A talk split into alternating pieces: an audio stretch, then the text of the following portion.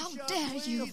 Mr. Gorbachev, tear down this wall. I did not have sexual relations with that. Read my lips. Hell yes, we're gonna take your AR-15. It's your waiting AK. out. I have a dream. Da var, eh, da var valget mm, unnagjort.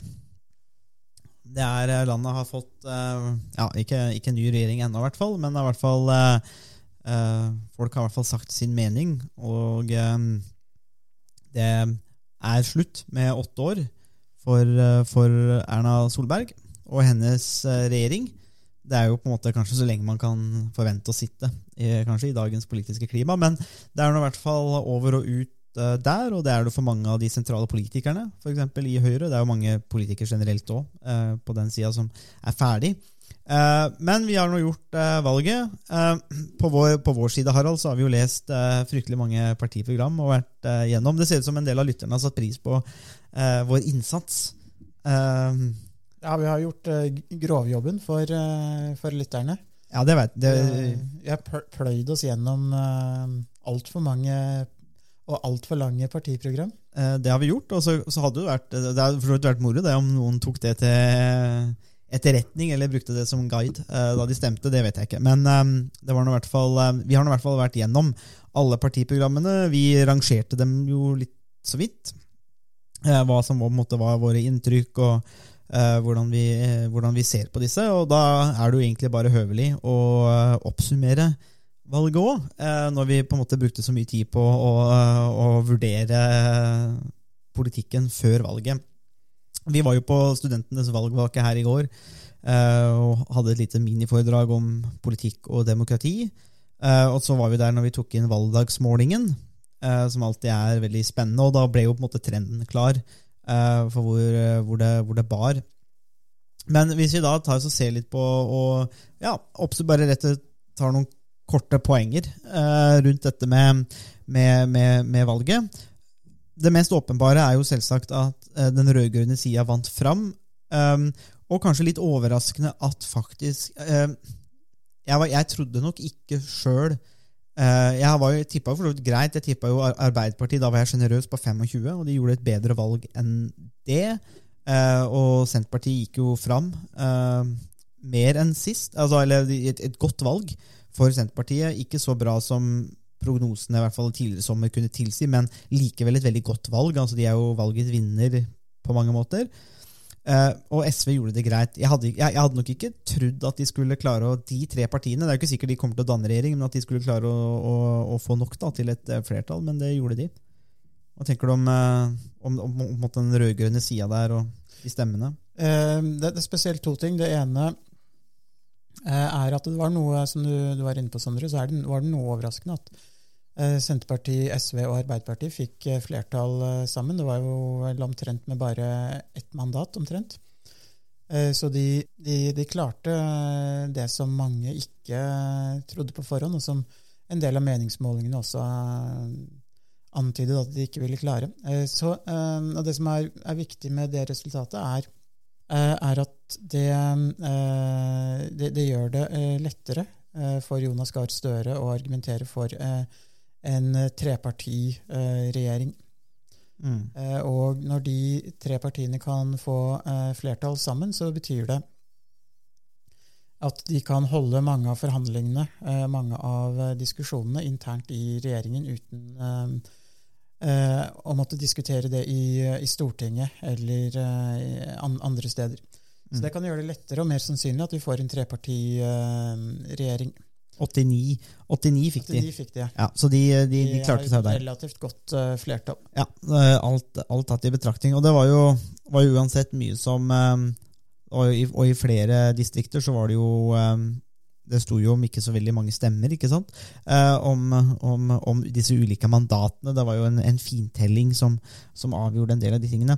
Eh, også, Eh, Bare en, en annen ting, helt kort. Ja. Eh, En annen ting med, med det resultatet vi fikk, er jo også det at uh, selv om Rødt kom over sperregrensen og MDG kom under, så spiller det kanskje ikke så stor rolle når, de, når Senterpartiet, SV og Arbeiderpartiet fikk flertall sammen, fordi det betyr at selv om Jonas Gahr Støre i går eh, ga uttrykk for at han ville invitere alle partiene på rød-grønn side, så innebærer det i praksis at eh, MDG og eh, Rødt vil kunne stå og skrike på sidelinjen uten egentlig å ha noen eh, innflytelse. For eh, Støre og de to andre eh, partilederne eh, i SV og Senterpartiet de trenger ikke å ta hensyn til, eh, til Rødt og, og MDG. Så det, det kan også svekke eh, SV sin forhandlingsmakt eh, noe i de forhandlingene som, eh, som skal bli gjennomført eh, de neste dagene og ukene. Mm. Ja, det er jo, det er jo at eh, Rødt Uh, Vi har jo vurdert på, eh, programmet. Uh, ønsket om demokratisk revolusjon. Det var kanskje ikke det som var det store trekkplasteret og magneten for velgerne, vil jeg tro. Uh, at de ønsker det, Men eh, de har jo en flink partileder og har jo kjørt en god valgkamp på dette med, med Særlig med kamp mot økte forskjeller og velferdsprofitører osv. Og, så og det ser ut til å ha, ha vunnet fram. da, fordi det er en, det er en, det er en bemerkelsesverdig framgang tross alt for et parti som ønsker til, til sjuende og sist en revolusjon. Det, det er det, det som eh, Rødt har gjort bra i den valgkampen eh, som vi har vært igjennom nå, er at de har fokusert på konkrete saker og spørsmål som er viktige for folk, som eh, tann, gratis tannhelse, eh, og de har hatt et klart fokus på såkalt eh, velferdsprofitører og lignende. Så de, de har vært klart å være tydelige og konkrete, i motsetning til f.eks. Frp på motsatt, i motsatt ende av eh, uh, av partiskalaen.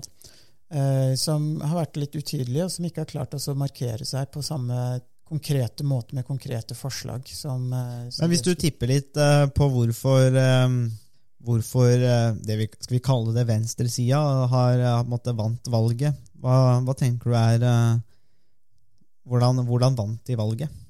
Uh, det, det, er hvorfor? det er veldig vanskelig å si uh, mindre enn uh, en dag etter valget, men Ja, men Nå er jo du førsteamanuensis i, i statsvitenskap. Det, det er jo helt sant. Så, nei, så jeg, jeg tror det handler litt om at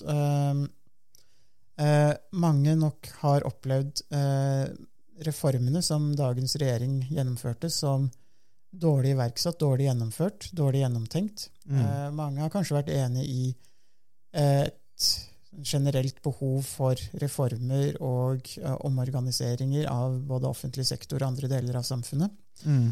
Men eh, iverksettelsen og gjennomføringen av mange av reformene, og da er jo spesielt regionreformen det beste eksempelet på det, har vært, eh, vært dårlig. Eh, Mm. Og det, det har nok trukket ned og gjort at mange har opplevd at her eh, er det bare sentralisering, eh, og eh, man tar ikke hensyn til eh, virkeligheten i mange deler av, eh, av landet. Mm. Eh, I tillegg så er det det at det er veldig få som får regjeringer som klarer å leve lenger enn to perioder. Eh, og eh, man finner få eksempler på det i Norge, men også i andre land, eh, på partier som eh, i hvert fall europeiske land, hvor partiet på en måte har dominert over en veldig veldig lang periode de siste tiårene. Så to perioder i regjering er veldig lang tid. og Man eh, kunne kanskje se antydninger til litt slitasje, og at eh, statsrådene kanskje var litt Mm. slitne, litt lei eh, de siste, siste månedene også. Mm.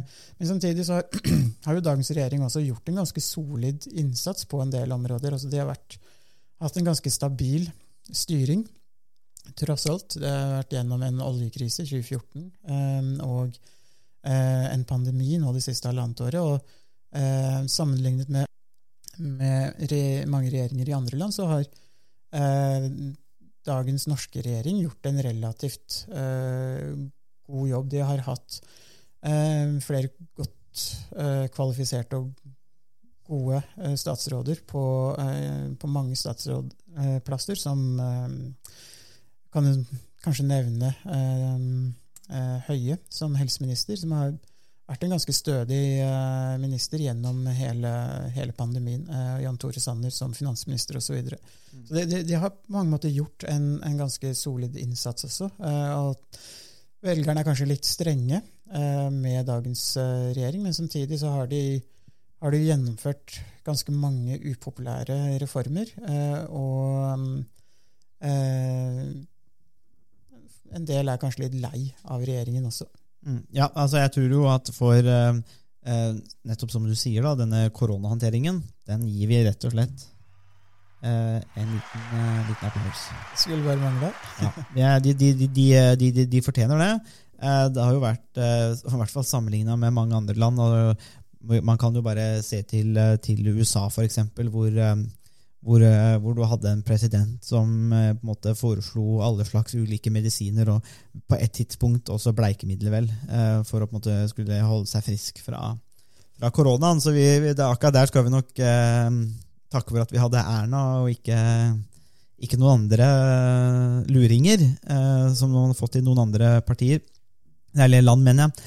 Um, så det er absolutt. Og, jeg, men, og det som vi også ser, da, i hvert fall som jeg har lagt merke til og Når det på en måte kommer litt fra distriktene, så ser man jo litt på disse distriktsmålingene. og Der tenker jeg nok at eh, faktisk den der, det, litt av det distriktsopprøret som brakte Senterpartiet opp til disse store høydene på meningsmålingene, Eh, det vedvarte òg. Altså, det, avtok i styrke, eh, men nok til at de gikk fram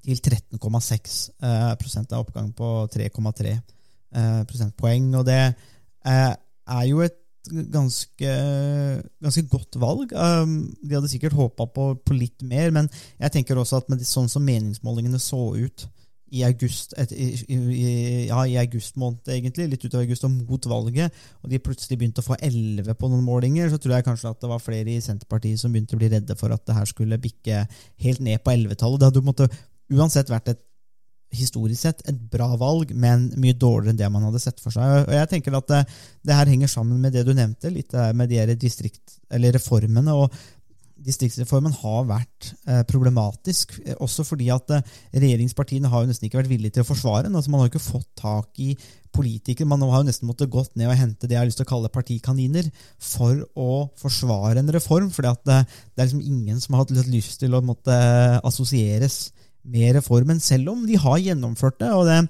Vi har jo vært veldig kritiske til det. Det er jo, er jo dårlig politisk håndverk, uh, har jo vi sagt. Uh, helt klart en nødvendig Altså, reform var nødvendig. Det var bare at uh, man i iveren etter reform måte, gikk for feil. Altså, man, man skulle på en måte gjennomføre, da.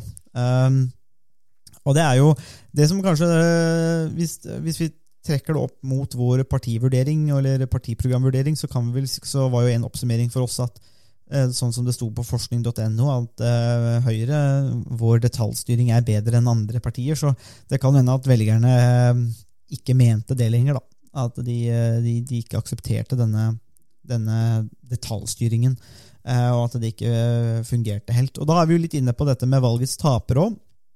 Det er klart, regjeringen er jo taperen. altså Det er jo opplagt. Det er jo eh, det er vanskelig å se for seg at en regjering som du sier, Harald, skal overleve to perioder. Det, er, det skal godt gjøres uansett. Men uansett så står man igjen som en taper. altså Det hjelper ikke om, om Høyre når målet med 20% Man mister jo regjeringsmakta, og politikk handler jo egentlig om det. Og, så Sånn sett så er du en slags taper. Men, øh, men jeg tenker jo, og det er, det er på en måte det opplagte, Frp går jo på en liten smell. Eh, Jeg tror jo også at de gjorde en altså Det var jo ikke en feil at Siv Jensen gikk av, det må jo få lov til å gjøre. Men eh, jeg er usikker på om Frp kommer opp på de samme høydene uten en politiker som Siv Jensen, som gir mer legitimitet og jeg har lyst til å si mer seriøsitet. eh, Og som kanskje er mer smakelig for flere velgere.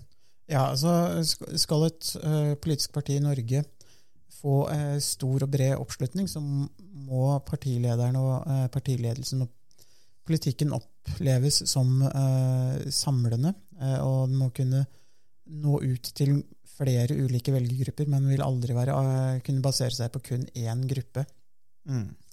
Eh, og det vil være Listhaug sin, sin utfordring. Hun oppfattes av mange som splittende. Og hun er ofte kontroversiell. Hun får mye oppmerksomhet. Og hun klarer noen ganger å sette dagsorden for den politiske diskusjonen.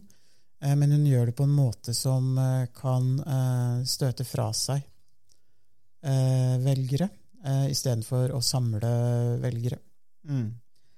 Og så og det jo, var jo bemerkelsesverdig, og det var jo egentlig en regjeringspartner òg. Altså, vi må jo kunne si det. Ja, de gikk ut helt på slutt, men det var jo et regjeringsparti, og man kan jo kanskje regne med en viss slitasje der òg, pluss en del litt sånne interne bruduljer òg. Eh, Men Carl I. Hagen klarte det da, fra Oppland. Han er jo, han er jo en, en sann eh, fra sann eh, opplending, eller hva det heter. Jeg husker ikke helt. Men han er i hvert fall en, en traust kar fra Innlandet.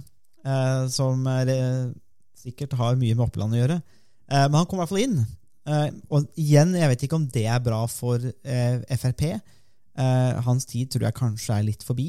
Eh, igjen, jeg tror kanskje at man må begynne å bygge opp litt andre politiske talenter eventuelt i Frp framover. Uh, hvis det skal gå der. Uh, en annen taper vi, vi, må, vi er nødt til å snakke om sperregrensene og disse der, men bare helt, helt først så tenker jeg også at en av en kanskje litt mindre historie, men likevel like fullt en av valgets tapere, det må jo være Jan Bøhler og Oslo Senterparti. Og overgangen, da, det var nærmest sånn, litt sånn fotball, litt sånn uh, free transfer. Han gikk på sånn bossmann, uh, han sto uten kontrakt, og så gikk han til, uh, til Senterpartiet. og som frikjøpte. Nei, de gjorde ikke det, men altså de, de tok i hvert fall imot og skulle styrke laget sitt.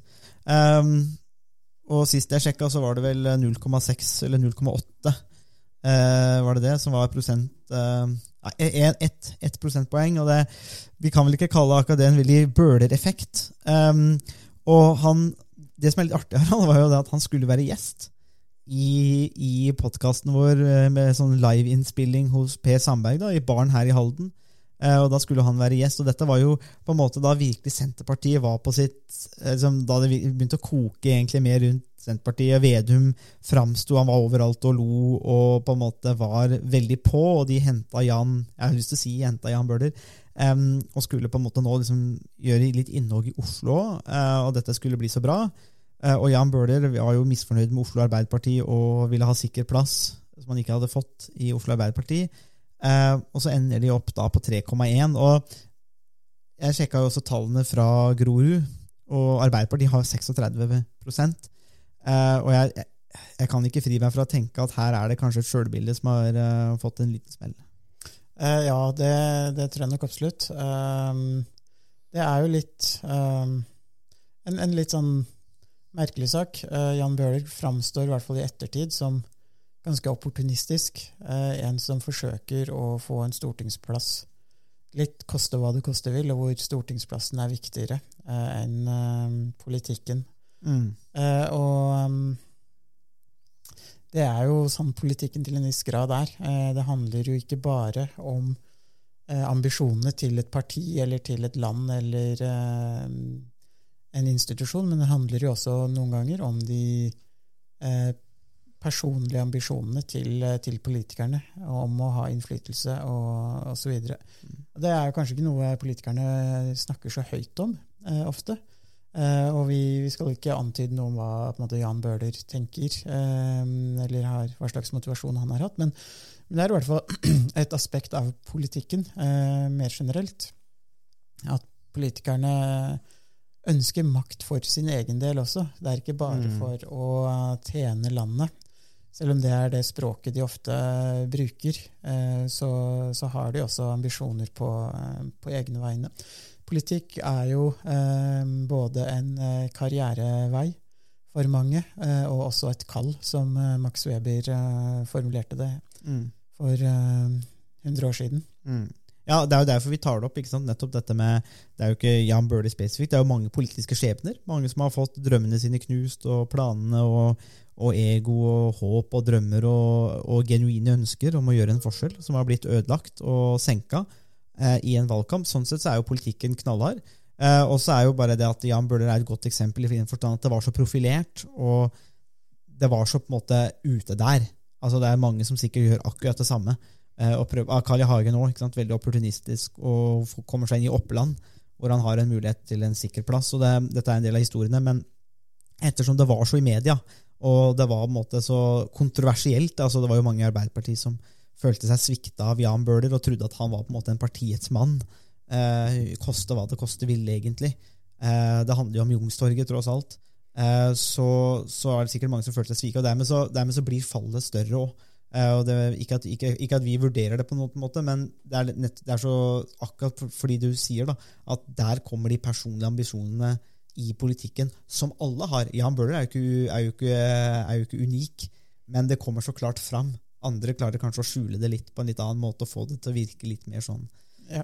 s- Altså, det, er, det er ikke noe, jeg tenker egentlig at det er, det er ikke noe galt med å ha personlige ambisjoner. Eh, Alle og enhver har jo ulike personlige ambisjoner, så det i seg selv eh, eh, er det jo ikke noe galt med. Eh, Det som kan være problematisk, er jo hvis de personlige ambisjonene i veldig stor grad krasjer med den politikken som skal føres, eller den, det partiet man er en, en del av, så vil det kunne, kunne være mer problematisk. Mm. Ja, nei, Det er uansett interessant. Eh, liten smell der, men sånn er politikken. Politikken er beinhard. Det er en syklus som kulminerer i et valg, og da får du svaret. og Det er, eh, det er, jo, det er jo beinhardt. Og tenk på sånn, ja, eh, Man kan jo stryke kandidater. og det er jo sånn, Særlig sånn som var ve- veldig effektivt eller ganske brutalt, f.eks. i lokale valg.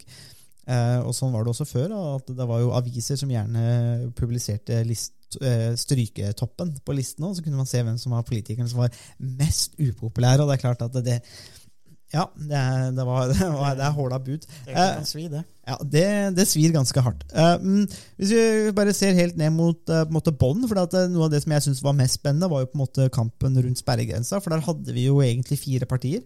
Uh, vi hadde jo Rødt, som hadde vært inne med Moxnes, men som håpa å gjøre et godt valg etter, etter, etter fylkes- lokal- og fylkestingsvalget sist, hvor de gikk opp um, eh, en del prosentpoeng. og De håpa å gjøre det samme nå. Så hadde vi jo da Venstre med sin uh, tradisjonelle kamp uh, mot sperregrensa. Uh, KrF har det vært mye trøbbel rundt, og bråk, særlig etter dette med Hareide og, og Ropstad og, og, og den, den takeoveren som var der, og veivalget i KrF som måtte splitte av partiet en del. Hvordan ville dette slå ut? Eh, Men vi visste at de kom til å kjempe rundt sperregrensa. Og så hadde man MDG som også ønska å slå seg inn på tinget, og nok med en liten en ganske høy sjøltillit eh, i MDG på at de skulle klare det. Eh, og igjen, der har vi vel kanskje også en av valgets store tapere, selv om MDG de, hadde, altså, de hadde jo ikke vært over sperregrensa før. Eh, og de kom nærmere nå enn det de har vært. Så sånn, på den måten så er det jo en oppgang. Eh, men det ser jo ikke ut som velgerne i tilstrekkelig grad kjøpte det MDG solgte. Um, og jeg tenker jo i hvert fall at Vi var inne litt på det i vår vurdering av partiprogrammene. At en grunn til det er at de, de kanskje fremsto som endimensjonale. At alt var klima og, og miljø. Det, det, og det er bra, og det er viktig, og det er en viktig sak for de aller fleste velgerne nå, tror jeg. Det blir viktigere òg, men det, jeg tror kanskje det kom i en litt sånn endimensjonal pakke. Og da, da, da funker det ikke, mens kanskje Venstre klarte å kombinere det bedre. Ja, eh, en, eh, en av forskjellene mellom MDG og, og Venstre er jo nettopp det at stemmer du på Venstre, så får du eh, klimapolitikk, eh, og eh, du får eh, et parti som er eh, positiv til eh, næringsliv, eh, verdiskapning eh, og en del en måte, liberale eh, verdispørsmål. Så du får kanskje en større eh, pakke eh, enn om du stemmer på MDG som eh, som analyserer all politikk i et eh, klimaperspektiv. Mm. Og det, det, det, vel, det er mulig det har hatt noe eh, betydning eh, for, for velgerne, at de kanskje har opplevd at de de får en bitte litt får, får mer eh, politikk for, eh, for pengene. Mm. Um, så, så det er jo samtidig litt skuffende for eh, MDG, som eh, nok hadde håpet å komme godt over eh, sperregrensen Mm. i, eh, i det valget her. Men Mm. samtidig så er det eh, er det vanskelig for nye partier eh, å, å, slå igjennom. Det, eh, mange av de etablerte partiene og de eksisterende konfliktlinjene har en tendens til å eh, dominere eh, selv svært lenge etter at de, eh, de begynner å, å miste noe av den betydningen de, eh, de har hatt eh, tradisjonelt. Og det ser vi jo kanskje hos KrF også, som Mm. eh, de, de henger fortsatt med. Eh, de fikk vel eh, det var det 3,8 eller noe sånt nå, Mm. til syvende og sist. 3,8. Og det, det er ikke mange tusen stemmene som skilte eh, mellom eh, mellom eh, å komme under og over eh, for, eh, for KrF. Så, eh, og det er jo også et parti som eh, har som, som har stått ovenfor store demografiske utfordringer også. Det har tradisjonelt stått mye sterkere på Vestlandet, Sørlandet, Mm. Sør-Vestlandet. Eh, og uh, de har også hatt uh, tradisjonelt velgergrupper som har etter hvert blitt eldre. og da blir det mer krevende å opprettholde oppslutningen når man ikke klarer å rekruttere yngre Mm. velgere. Så det er en utfordring for KrF, i tillegg til det retningsvalget som var opprivende eh, for et, eh, eh, noen få år siden. Eh, så det er mange ting som har eh, gått galt for KrF, og de, de kan til en viss grad eh, skyldes for eh, Eller de må til en viss grad ta skylda selv. Mm. Eh, Både tidspunktet for, for å ønske et veivalg var kontroversielt, rett etter, ganske eh, raskt etter at man hadde hatt et stortingsvalg, midt i en stortingsperiode. Eh, Det ville vært naturlig å stille det spørsmålet til velgerne. Eh, og så får man i tillegg en veldig opprivende debatt og diskusjon internt i partiet som, eh, som gjorde at mange opplevde at KrF kanskje ikke var et parti, eh, et Mm. parti for dem. Mm. Så det, det er en del av fortellingen, en, del av, en del av historien som de må ta, mm, ta ansvar for selv. Mm, ja, helt klart. Det er jo, eh, og de har jo måte blitt mye mer regionalisert og blir mer og mer et nisjeparti. Eh, mer enn et landsdekkende parti. og Det som er problemet, og det er at det har jo en del konsekvenser når man havner under sperregrensa. Det er jo vanskeligere å altså Med tilskudd, penger, organisasjonsstørrelse, hvordan skal man drive det her? og det er vanskelig å og så er det som du sier, det, er, det virker som det er vanskelig å rekruttere unge til KrF. Um, og de er vel egentlig kanskje også uten disse klare politiske prosjektene, eller i hvert fall klar identifiserbar politikk. og jeg tenker sånn som Da de hadde Bondevik, som var en relativt karismatisk og kjent politiker, og man hadde kontantstøtta, og man hadde dette prosjektet kanskje på, mellom, sentrumspartiene, så, så ga det KrF en litt mer sånn klar profil, mens nå eh, nå tror jeg kanskje veien er kortere for velgerne til å fokusere på kontroversielle ting rundt homofili, abort, eh, Ropstads, eh, Ropstads eh, pendlergrådighet. Um, disse tingene her er veldig enkelt for velgerne å he- å henge fast i, eller ta tak i, og ikke konkret politikk. Og selv om, og det her skal vi jo sies, jeg, jeg tror igjen politikerne i KrF har ikke vært gode nok, fordi at de har et partiprogram som var mye bedre enn politikerne. Og jeg må jo si at det var en aha-opplevelse for meg da jeg leste partiprogrammet til KrF. At jeg, jeg, for jeg, det skal jeg jo bare si, jeg er ikke noen tradisjonell KrF-velger overhodet.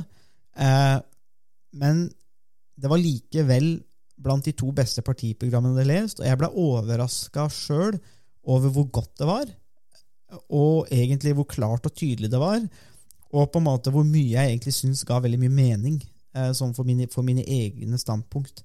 Så jeg syns faktisk at her har KrF-politikerne gjort en dårlig jobb med å representere partiets politikk. og Kanskje vi får denne floskelen om at eh, vi har ikke kommunisert politikken godt nok. og det, faktisk Her så tror jeg det kan stemme. For jeg tror faktisk at den faktiske politikken til KrF er bedre enn det det har blitt eh, presentert.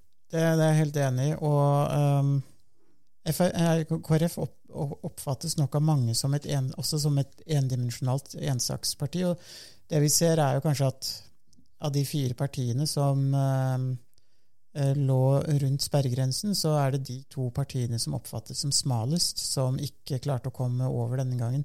Rødt kan man også si er et smalt parti, men de har jo eh, kanskje i større grad et, et, en litt bredere profil likevel. Eh, fordi de, de oppfattes som et parti som, som har en politikk på på alle de viktige samfunns- eller politiske områdene. Og så er jo revolusjon er jo ganske omfattende. Det, det, er, eh, det er det ingen som kommer unna. Eh, det samme med, med Venstre. De har jo også et, et, en relativt bred profil eh, sammenlignet med både MDG og, og KrF. Så, så kanskje noe av det vi ser, er at det er faktisk en viss eh, Altså den bredden er, er viktig. Eh, KrF er jo ofte opptatt av familiepolitikk, bistand, eh, spørsmål knyttet til eh, homofili, abort osv. Og, så og det, det er saker som kanskje appellerer til noen av kjernevelgerne, men som oppleves som splittende eh, hos mange andre velgere. Mm, ja, ja, også, ja, og jeg tror jo at dette med Altså Jeg tror ikke Ropstad var en, den ideelle lederen eh, for KrF. Eh, også fordi at han har gått på en del blemmer. og Du hadde jo det der eh, famøse utsagnet om 'klarer du én, så klarer du to'. altså Det var sånn, det var, det var en del der som var eh, rett og slett out of touch med, med folk og, og, og tidsånd. og måte, altså det, det blir så det blir, det blir så eh, hjelpeløst på en måte, da, og så, og så får man jo denne pendlersaken. og det er klart altså, ja ja, eh, Dette har de sikkert visst om lenge. Jeg, vil, jeg nekter å tro at dette var noe de oppdaga tilfeldigvis eh, noen dager før valget. og Dette har de jo ligget og ruga på, men det er jo, er jo noe med medienes eh, eh, De kan jo gjemme seg bak en argumentasjon om at dette er viktig å få fram før valget, slik at velgerne er informert. og Man kan sikkert gjemme seg bak dette. eh, Dette visste man om før. men Uh, uansett, det ser ikke bra ut. Altså, løsningen er jo like enkel. Man kan jo klage på at mediene dekte det og lagde drittpakke, og det kan man jo skylde på. Uh, samtidig så kan man jo si du kunne vært redel, redeligere og mer ærlig som vanlige folk, egentlig, som ikke har muligheten til å benytte seg av de godene, og så hadde man jo sluppet det. Da, da, ikke sant? Så det er, det er, en del sånne ting som du har jo litt fri vilje på det, disse tingene nå, da. Og jeg tror uansett at det er imaget som skapes, er, bidrar heller ikke til å, å, samle stemmer. Mens i Venstre så er det litt annerledes, og du nevner den der litt bredere profilen. og Jeg tipper at eh, den bredere profilen også er noe som gjør at de har faktisk kunnet mobilisert mm. flere velgere, rett og slett fordi at eh, Venstre er et parti som ja, Vi har jo kalt det partiet med de gode forsetter, uh, slik som uh, kjente norske historikere har gjort før oss. Um, og men det er på en måte det, de, men de har en del som uansett gir mening. Eh, jeg er alltid like forvirra over Venstre, for jeg synes igjen at de har en, et, et, godt utgangspunkt eh, og mye gode prinsipper som jeg kjenner meg igjen i. Men så, men så veit jeg ikke. Det er liksom et eller annet der som skjer med, med, med, politikerne og måten de kommuniserer det på, som gjør at jeg, jeg blir forvirra og, og, og, snur meg vekk på en måte, litt liksom fra det. og Det hjelper ikke da at Guri Melby danser eh, på scenen med konfetti. Da, liksom, det, det, det, gjorde ingenting for meg, i hvert fall. Eh, det må jeg bare ærlig innrømme. Og syns jeg du er eh, kravstor og vanskelig. Ja, er, uh, så, sånn har det blitt. sånn har det blitt. Du skal, du skal liksom ha alt.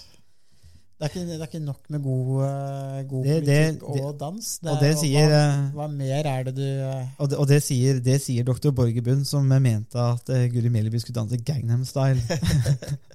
For at det virkelig skulle være noe.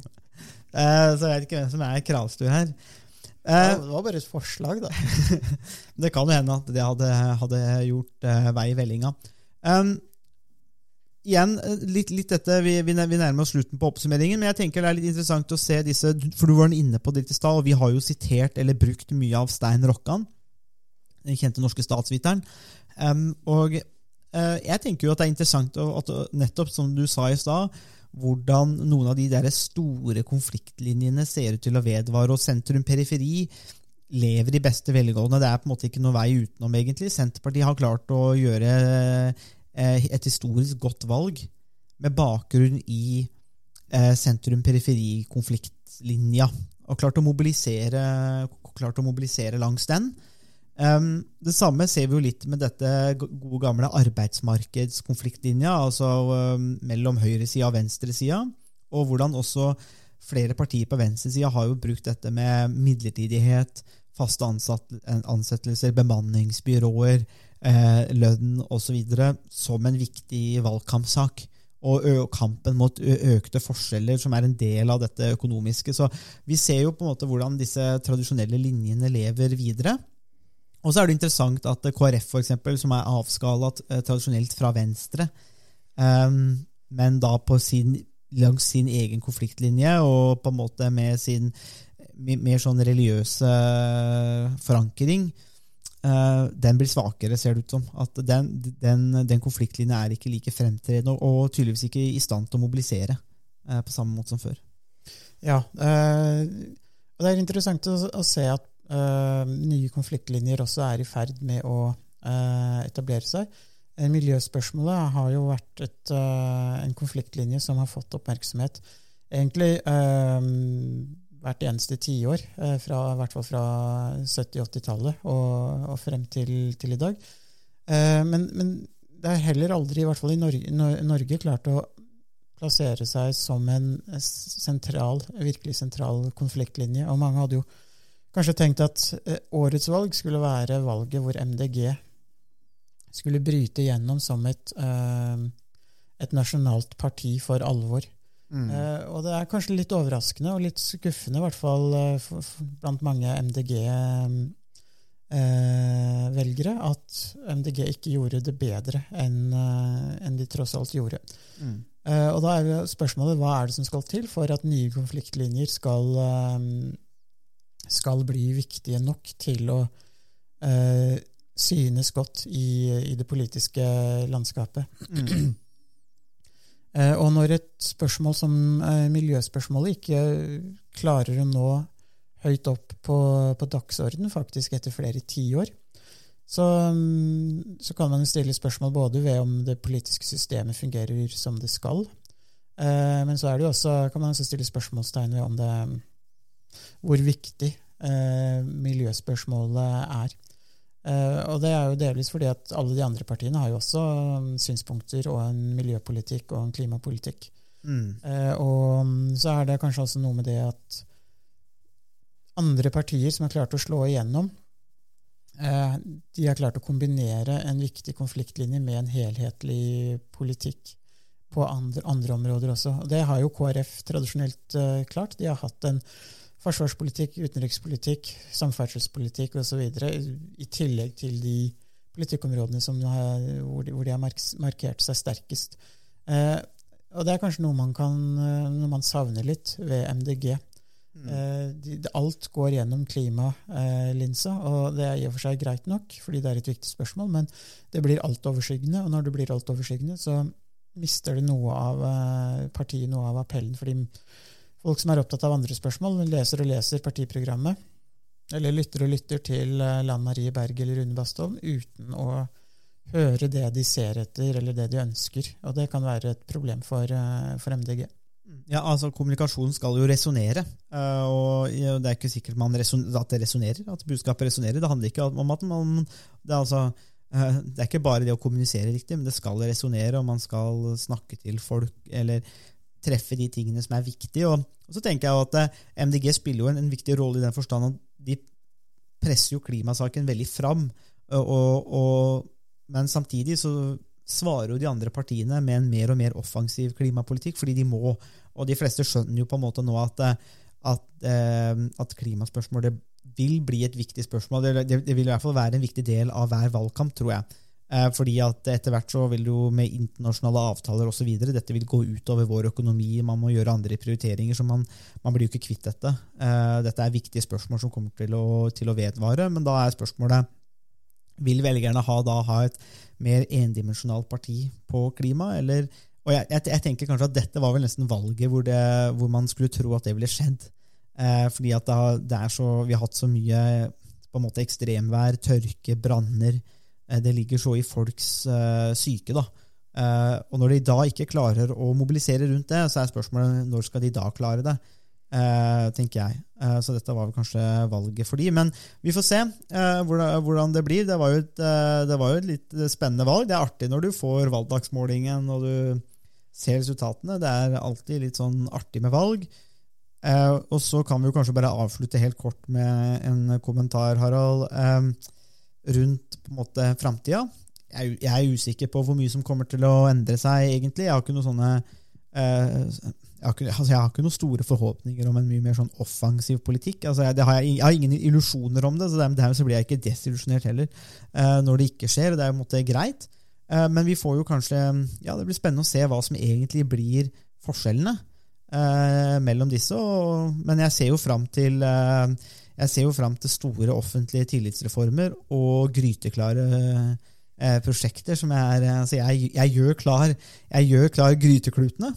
Eh, så jeg er klar til å ta imot disse prosjektene. Disse varme grytene som eh, Rykende ferske. Ja. Nei, eh, det, forhåpentligvis, så, og det er jo noe av styrken i, med det norske demokratiet, er jo at endringene mellom de politiske blokkene, eller forskjellene mellom de politiske blokkene, er ikke så store, som betyr at endringene fra en borgerlig regjering til en rød-grønn regjering eh, ofte ikke fremstår som veldig dramatiske. Og Fordelen med det er at det gir en viss forutsigbarhet. eh, for, eh, for velgerne og eh, næringslivet og resten av samfunnet. Og Mm. det gjør også at man kan, eh, kan skape endringer, men sakte, men sikkert eh, over tid så kan man, eh, kan man endre samfunnet.